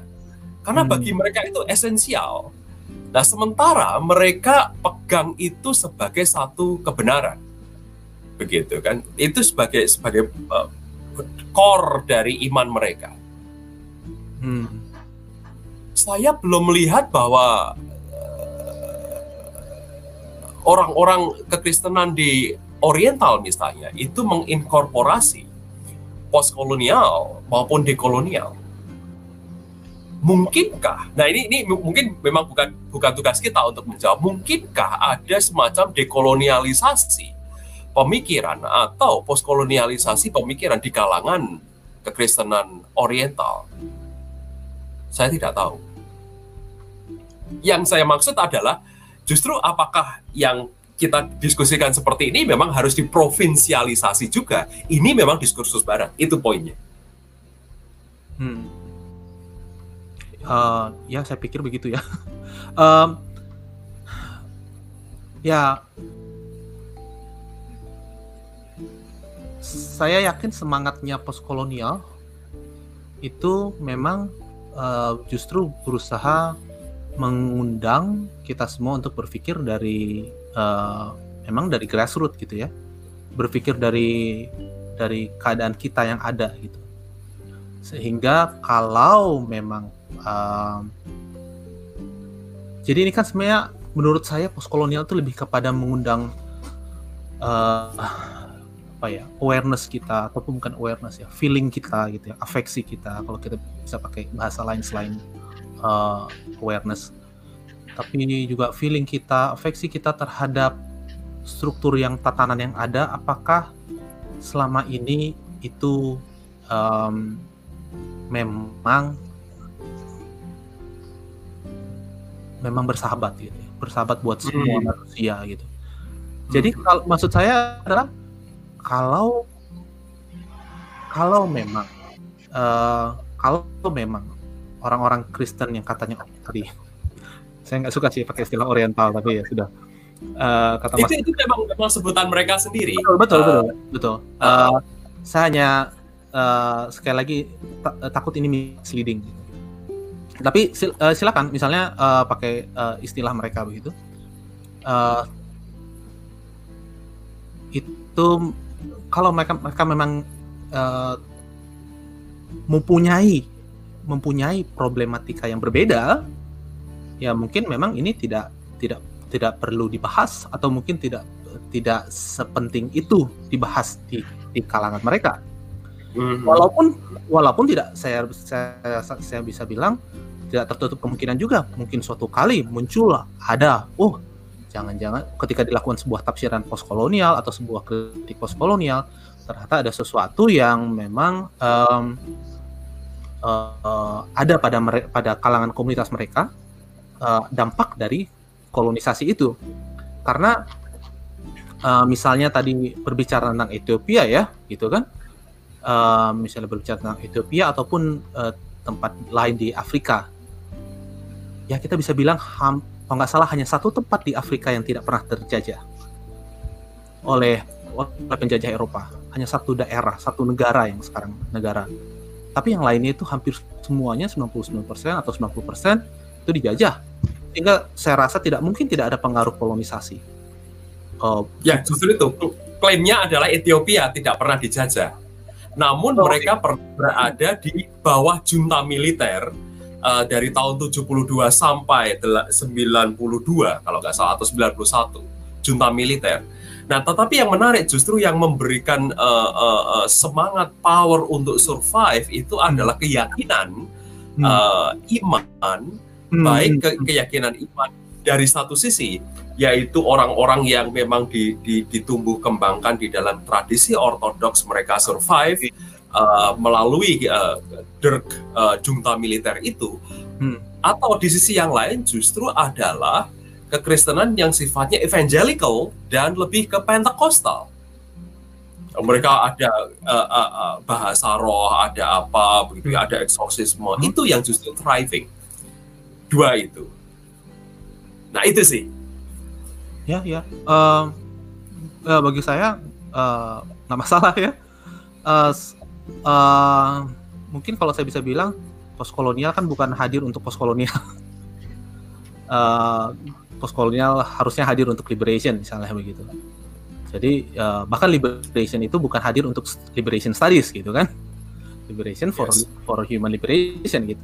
Jadi uh, liberas uh, kebe kebebasan gitu. Jadi ya uh, ya banyak cara, banyak hal, banyak nama, banyak studi, banyak perspektif uh, apa pun itu harusnya valid gitu. Uh, ya aku nggak tahu sih kont uh, konteks lebih lanjutnya tentang Betul. Ethiopia, tapi mungkin itu yang bisa saya bilang ya. Yes. Nah, ngomong-ngomong nih ada tanggapan nih dari Bang Frediston. Menurut Bung Toar, bagaimana cara kita keluar dari kolonialisasi seperti ini? Sedangkan kebanyakan kita sudah terhipnotis dengan baratisasi seperti ini. Wih. Apalagi sudah mengakar pemahaman seperti ini dan ketika kita merekonstruksi malah dicap aneh. Ya itu iya. aneh itu memang nggak bisa dihindarkan sih kayaknya. Uh, makanya kan ambivalen kan. makanya ambiguitas ambivalensi itu ada gitu uh, tapi misalnya bagaimana keluar ya memang makanya saya Bung Tor saya bisa uh, sedikit nggak? Sedikit aja berkomentar kayak tadi banyak nggak apa-apa pak. Nggak banyak nggak banyak. Yang seperti Bung Enes bilang tadi saya juga berpikir begini. Kan sekarang ini kan banyak yang bilang misalnya oh sekarang kekristenan ini kan pindah ke southern world ya ke dunia selatan kan. Nah tapi jangan-jangan uh, bukan cuma sekedar secara demografi berpindah, artinya secara populasi uh, kekristenan banyak di selatan, tapi ajaran-ajaran yang sifatnya kolonial itu juga pindah ke selatan juga kan, maksudnya uh, teologi teologi yang berbau kolonial itu pindah ke selatan gitu. Uh, nah ini ini ini mungkin yang saya saya mungkin kalau boleh lihat pendapatnya Bung Frediston ya, jangan-jangan itu yang terjadi. Saya nggak tahu, saya nggak tahu. Uh, tapi menarik juga ini ini justru mengembangkan memang agak-agak nanti agak-agak keluar dikit dari dari apa yang kita topik. Tetapi menarik justru yang laku misalnya ya kita kan betul, lihat betul, betul, versi pentakostal dan karismatik yang memang adalah produk Amerika. Betul betul betul. Makanya kan jadi ya, jadi dan, saya nggak tahu Bung Enes ya jadi justru justru jangan-jangan justru bentuk pentakostal dan karismatik itu sendiri adalah hmm. bentuk postkolonial Christianity Oh iya iya iya iya iya. Uh, mungkin mungkin kalau saya bisa bilang mungkin tapi apakah itu diri sendiri pada galibnya pada hakikatnya adalah bentuk kolonial juga? Nah iya makanya. Iya enggak? Iya. Kehadiran kehadiran Pentekostal mendekonstruksi atau mendekolonialisasi produk barat yang established, katakanlah ya. Eropa. Ya. Tapi ini sendiri bentuk kolonial yang ya, ditawarkan ya, dari ya belahan Amerika Serikat. Iya. I don't know. Karena kan yang yang yang gereja mapan ini anggaplah ya mainstream ini kan dari Eropa. Nah, sedangkan yang Pentakostal karismatik kan dari kekaisaran Amerika Serikat kan. Hmm. Masuk kan. Jadi what's happening now itu loh. Itu, itu betul betul sekali itu jadi jadi menarik. Iya. iya. Iya. Tapi tapi biarkan biarkan ini bergulir juga untuk merangsang rekan-rekan yang sekarang ini menjadi pemirsa Bung Tuan. Boleh, boleh, boleh. Ini ini ada ada komen dari uh, Kak Temi yang menarik. Ya, saya bacakan ya. Situ Sang Lian tak mungkin bicara, speaking. Can her voice from the dead body be listened to? Speaking dan voice menjadi dua kategori yang tidak persis sama. Ini nuansa yang penting dalam teologi pasca kolonial, khususnya tentang teologi sebagai bahasa pasca kolonial. Hmm, terima kasih. Menarik. Menarik. Nah, ini ini juga oh, by Laili menanggap menanggapi yang tadi kayak Bang Toar. Mungkin multiple modernities itu saya nggak tahu cara baca Eisenstadt ya. Itu ya. Dan mungkin hmm, dan mungkin bisa dihubungkan dengan tadi Joshua pluriversality walaupun mungkin Joshua nggak akan setuju dengan modernitis ya. Mignolo, Mignolo. Itu Mignolo. Walter, Walter Mignolo. Oh Salah bukan ya? Maglioha, bukan Maglioha. Maglioha, Maglioha. Aku jadi malu. Iya. Gak apa-apa, gak apa Ya, itu lah ya. Terima kasih sudah mengkoreksi teman-teman. Lanjut. Siap. Oke. Okay. Uh. Okay. Silakan. Ada, ada komentar dari Bung Tuan. Monggo silakan, yeah. feel free. Uh, uh, tadi yang uh, Kak Temi ya. Uh, mesti lihat lagi uh, speaking and voice speaking dan voice oh ya ya ya ya ya, ya saya pikir saya setuju ya uh, ya ya, so, ya saya pikir saya setuju nuansa itu ya speaking dan voice itu berbeda berbicara dan suara itu berbeda ya suara itu bisa hadir melalui berbagai hal. Uh, makanya misalnya dalam ini sekali lagi uh, jelas aku memakai banyak sumber uh, memakai banyak sumber Amerika Serikat uh, yang kita bisa pelajari, tapi tentu kita bisa temukan juga di sumber-sumber yang lain. Tapi begini, uh, saya jadi teringat ini saya jadi teringat uh, novelnya Toni Morrison ya, seorang perempuan kulit hitam, uh, The Beloved itu, uh, dan juga uh, buku lain, novel lain yaitu Ghost Matters dari uh, Avery Gordon. Um, itu mereka sama-sama berbicara bahkan sebenarnya Derrida juga berbicara tentang spektre ya hantu-hantu ya Um, tapi maksud saya adalah uh, dalam studi mereka, kalau saya bisa ambil satu uh, benang merah, ketika ketidakadilan itu disuarakan, itu suara itu tetap ada gitu, tetap haunting gitu, tetap menghantui. Jadi sekalipun mungkin mereka sudah mati, kayak George Floyd lah, George Floyd lah, George Floyd uh, tahu ya uh, kalau mungkin uh, Ahmad Floyd yang Arbery, Ahmad Arbery Ahmad Arbery uh, orang Taylor. kulit hitam yang Breonna Taylor orang kulit hitam yang uh, menjadi korban police brutality dan uh, white racism gitu ya di Amerika Serikat uh, mereka sudah meninggal gitu mereka nggak bisa nggak bisa berbicara lagi tapi suara mereka tetap ada menghantui dan terus menghantui dengan demo-demo yang ada sekarang ini dengan suara-suara Black Lives Matter gitu. jadi uh, makanya uh, apa namanya itu juga kan sebuah bentuk yang mendobrak yang seakan-akan Yesus yang terus menggedor-gedor gitu atau bukan Yesus ya uh, tetangga ya tetangga yang terus-terus menggedor-gedor gitu pintu untuk dibukakan itu jadi itu sebuah hmm. sebuah panggilan yang yang terus uh, meminta keadilan uh, hmm. dan itu sebuah bentuk postkolonial karena itu meng, uh, mengkritik struktur yang sudah ada gitu. Seakan-akan katanya oh aman-aman aja, nyaman-nyaman aja kok dengan sistem polisi yang ada gitu. Tapi ternyata enggak. Nyaman-nyaman ada dengan, aja dengan sistem kehidupan masyarakat Amerika Serikat yang katanya sudah bebas dari rasisme. Ternyata tidak gitu. Suara itu yang terus berbicara, suara itu yang terus menghantui berbicara. Bahkan bukan hanya mungkin menghantui dalam artian uh, tidak materi, tapi itu benar-benar materi, benar-benar nyata gitu. Uh, di situ Sang Lian tak mungkin bicara ada soal lain sih sebenarnya saya mau bicara tentang di other istilah di other yang sebenarnya kadang berproblematika juga problematis juga istilah di other Sang Lian uh, hmm. tapi um, ya tapi nanti lain lain lain lain waktu lah uh, kalau Mbak Laila Oh iya iya iya Katemi uh, itu merujuk pada Spivak. Uh, uh, Spartan Speak. Um, tentu saya nggak uh, saya saya mungkin ada yang miss juga dari dari pembacaan dari komentar Katemi. Uh, silakan teman-teman juga baca uh, Can Spartan Speak. Um, ya tapi itu yang saya kalau saya tangkap tadi yang tentang speaking dan voice.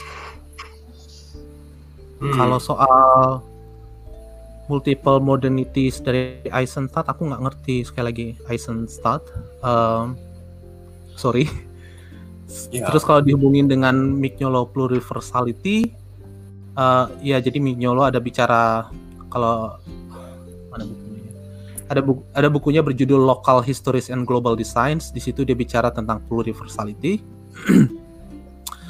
Jadi ketimbang kalau kita lihat katanya aja ya universal gitu kan uni versal gitu ya.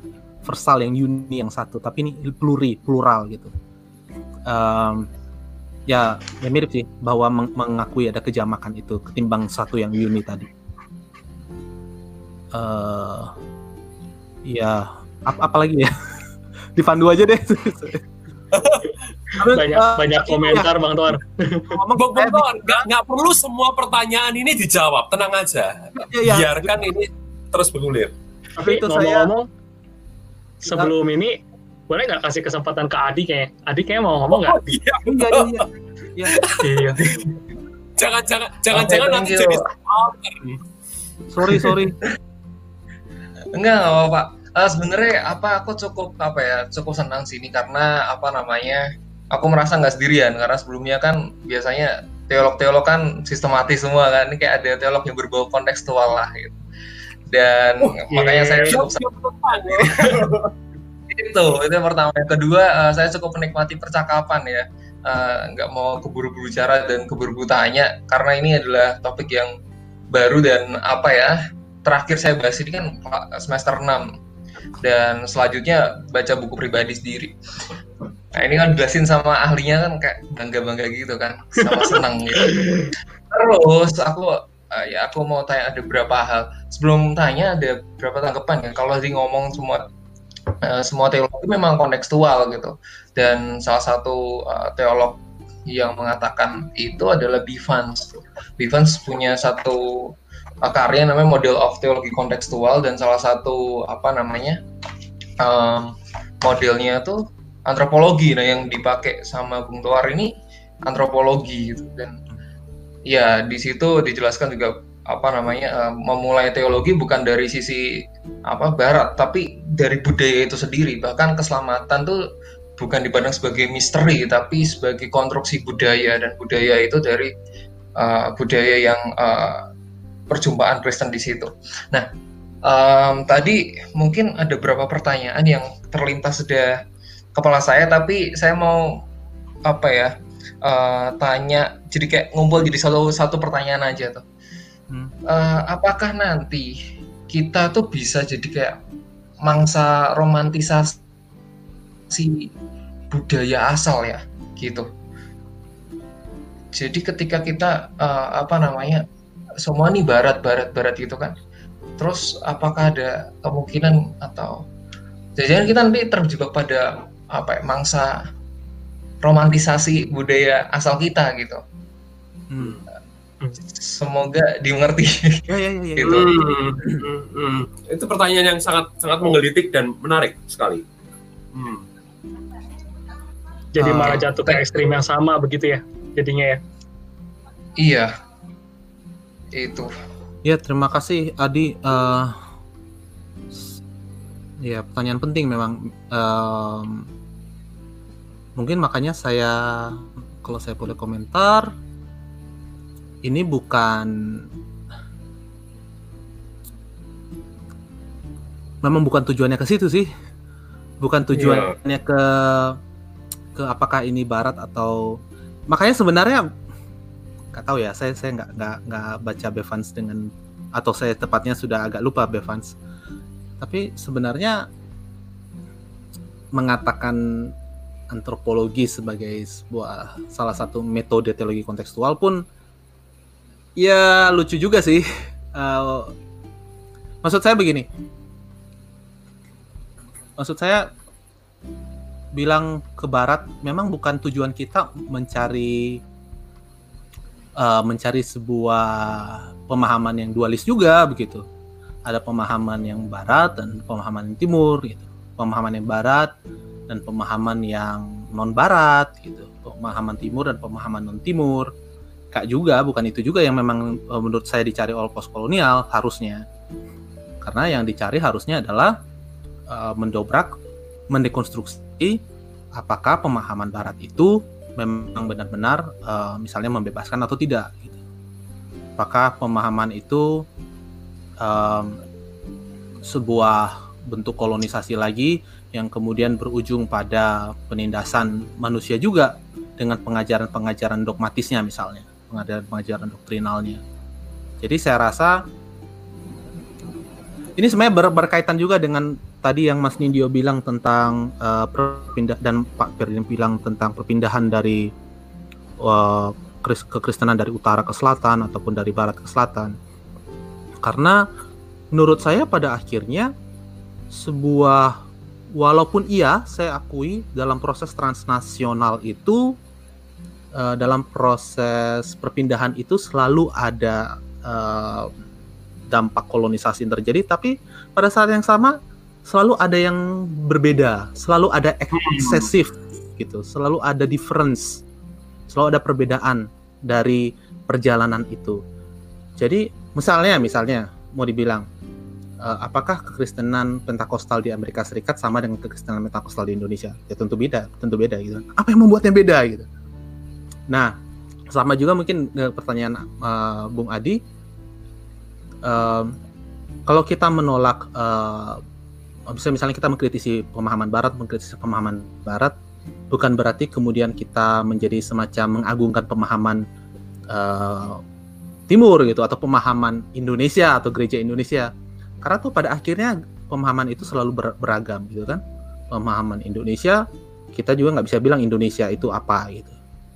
Karena pemahaman Indonesia toh lagi-lagi mau pemahaman uh, uh, pemahaman Batak saya Batak gitu ya pemahaman Minahasa pemahaman Jawa pemahaman itu pun Jawa juga beragam itu jadi selalu ada diferensi itu selalu ada eksesif itu dan uh, apakah sejauh mana eksesif itu penting dipakai untuk melawan misalnya uh, normatif itu. Misalnya uh, sebentar ya Pak Per.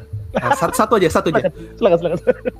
Misalnya uh, ini ini contoh contoh agak beda tapi misalnya apakah uh, kalau berdoa itu um, misalnya ada sebuah sebuah tatanan tersendiri gitu, yang harus kemudian kemudian seluruh orang orang Jawa ikuti untuk mengatakan bahwa ini um, ini misalnya pemahaman barat gitu. Misalnya kalau berdoa harus misalnya bersujud, tutup mata, lipat tangan atau bahkan menyembah begitu. Misalnya, misalnya ada pemahaman seperti itu yang ditanamkan oleh kolonial barat misalnya. Uh, itu pun kemudian ketika kita berubah, oh enggak, karena kita punya pemahaman uh, yang berbeda, kita punya cara uh, yang berbeda, cara hidup yang berbeda, lalu kemudian kita menciptakan yang sendiri, lalu kita mencoba mengkonstruksi yang berbeda. Itu pun pada akhirnya kan tidak tidak mengatakan bahwa itu adalah cara Jawa gitu. Karena kita tidak mau itu menjadi representasi dari seluruh Jawa atau representasi dari seluruh gereja di Jawa atau seluruh gereja di Jawa Tengah, seluruh gereja di Jogja. Jadi sekali lagi mungkin maksud saya bukan soal mencari kalau nggak barat berarti kita cari yang timur atau kalau nggak barat kita cari yang Indonesia bukan, tapi kita mendekonstruksi cara pemaksaan itu, mendekonstruksi norma-norma itu gitu kalau norma itu menindas, kalau norma itu tidak sebenarnya tidak mendukung kehidupan kita, tidak mendukung keberimanan kita ngapain? Uh, hmm. Gimana Pak? Oh, so, sorry, Pak, ya. ya Pak. Ya, ya. Saya cuma uh, tambah sedikit aja tadi. Misalnya kalau dikatakan bahwa ada yang betul-betul kontekstual Indonesia misalnya, karena Indonesia itu sendiri pun kan konstruksi sosial dan dan apa istilah Soekarno itu Aufklärung baru kan worldview baru. Uh, uh, uh, Indonesia itu kan uh, apa ya bukan bukan sebuah uh, keberadaan yang sudah sejak dulunya kan. Itu kan konstruksi politik baru sebenarnya. Jadi sebenarnya kalau saya sih saya pushback lagi gitu. Apa sih Indonesia itu? Eh, apakah itu betul-betul uh, uh, asli gitu loh? Karena uh, Indonesia itu juga sebuah konstruksi modern gitu. Betul betul. Ya ya ya. Itu ya kalau saya boleh termasuk pushback lagi. termasuk ketika kita misal ber, uh, ber, membahas soal bahasa Indonesia. Apakah benar bahasa Indonesia itu bahasa yang oke okay lah bahasa pemersatu bahasa yang melawan penjajah. Tapi at what cost gitu? Ada untuk dengan dengan, dengan apa apa yang harga yang harus dibayar? Pernah nggak kita baca-baca itu? Nah itu kadang nggak ada adanya di sastra di literatur literatur Betul. itu itu sebabnya itu sebabnya Bung Tor saya pribadi karena Indonesia pun adalah konstruksi sosial politik yang baru saya sebenarnya melihat eh, nggak uh, tahu mungkin bisa di, di pushback juga ya pendapat ini. Sebenarnya studi postkolonial itu uh, apa ya punya punya punya semacam prospek di Indonesia karena konstruksi ini bisa berpotensi jadi kolonial juga untuk indigenisitas yang sudah ada sejak lampau. Itu sih kalau. Hmm. Hmm. Hmm. Hmm. Hmm. Hmm ya misalnya ah, kasus-kasus yang terjadi di banyak daerah kan misalnya. Betul. Uh, betul. Ya contoh lah sekarang tadi Bung Tor bilang bahasa Indonesia. Faktanya sekarang itu anak-anak muda lebih suka pakai bahasa Indonesia daripada pakai bahasa daerahnya. Dan misalnya data dari Wycliffe misalnya mengatakan bahasa daerah itu di Indonesia banyak yang punah loh sekarang. Nah ini hmm. ini, ini kan fakta gitu. Terus bagaimana misalnya? Termasuk Pramudia Anantatur kan? Iya, iya. Dia ya. Javanisme dengan memperkenalkan bahasa Indonesia untuk anak-anaknya yang dipas yang diharuskan untuk berbahasa Indonesia. Iya, iya, betul. Hmm.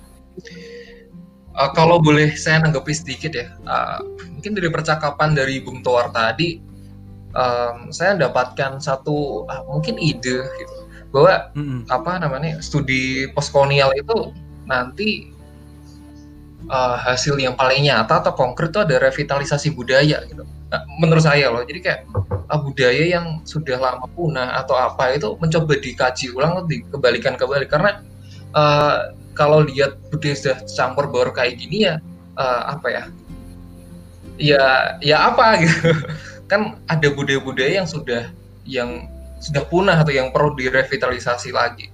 Itu sih yang saya dapatin dari bicara tadi. Oke. Kesan Ya, cukup bagus, nah, keren keren. Ngomong-ngomong, ini ya, kayaknya kalau dilanjutin ini bisa panjang lagi nih diskusinya nih. dari kita sendiri dan juga ya dari komentarnya juga banyak ya diskusinya ya. Nah, Banyak. saya pikir mau tidak mau kan waktu juga yang memisahkan kita ya.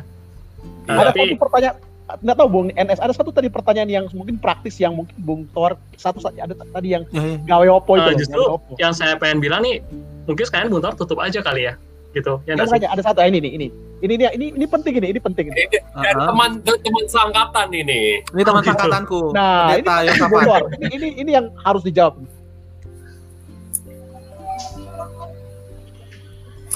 apa ya?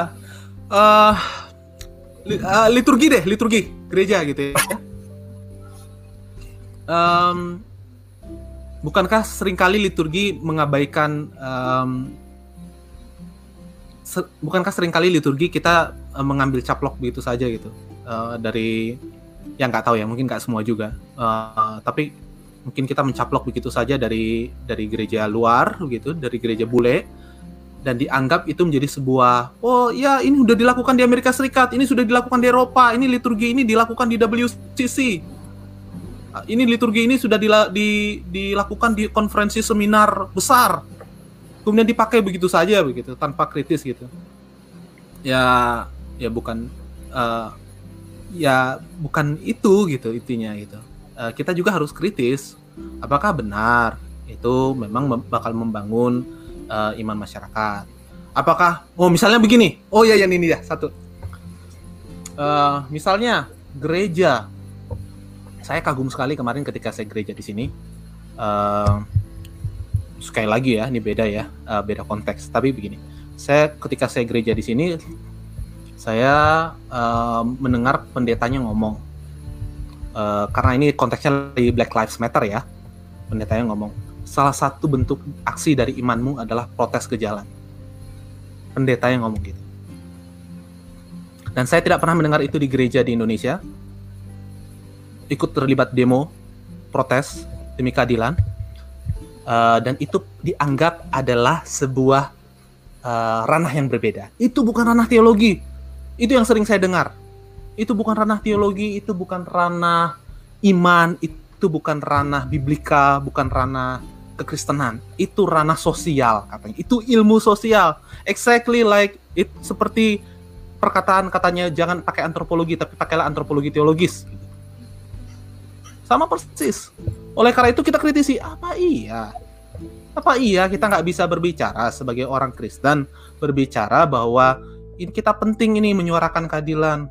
Kita penting menyuarakan saudara-saudari kita di Papua. Kita penting menyuarakan mereka yang masih nggak diperhatikan di pedalaman sana atau yang tertindas karena berbagai hal, kapitalisme, neoliberalisme dan seterusnya. Apa iya hal seperti itu tidak penting disuarakan di gereja? Nah, mungkin itu sebagai suatu catatan. Gereja mungkin perlu memperhatikan hal itu. Kalau kita tidak memperhatikan hal itu, jangan-jangan kita masih mengikuti cara berpikir kolonial yang sering kali dualis bahwa ini hal sosial, ini hal gerejawi. Wih, dan saya pikir tadi jawaban terakhir juga jadi penutup yang manis ya dari diskusi Uh, kita ya. Atau ada penutup lain? Saya mau tutup dengan perkataan Fanon tadi. Eh, Oh, boleh. Ini ini dengan bahasa Inggris sih dari buku Black Skin White Mask.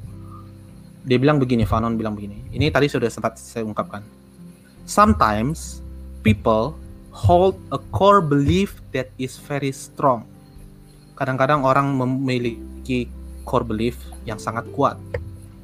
When they are presented with evidence that works against that belief, ketika mereka dihadirkan dengan bukti-bukti yang melawan uh, kepercayaan itu, belief itu, the new evidence cannot be accepted. Hal-hal yang baru, bukti baru tersebut tidak bisa diterima.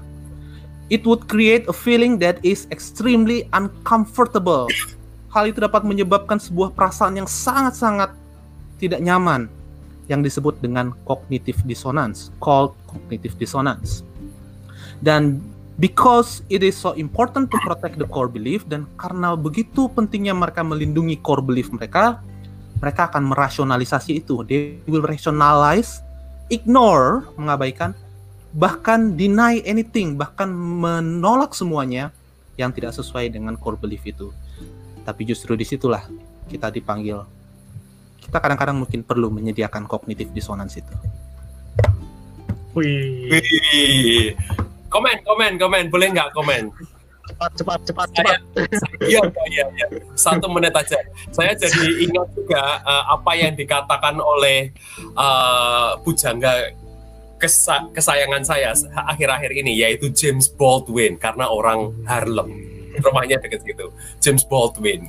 Uh, dia mengatakan begini, mirip dengan apa yang dikatakan oleh uh, Bung Toar tadi, the paradox. Aku kutip ya, the paradox. Uh, the paradox of education is precisely this: that one, that as one begins to become conscious, one begins to examine the society in which he is being educated.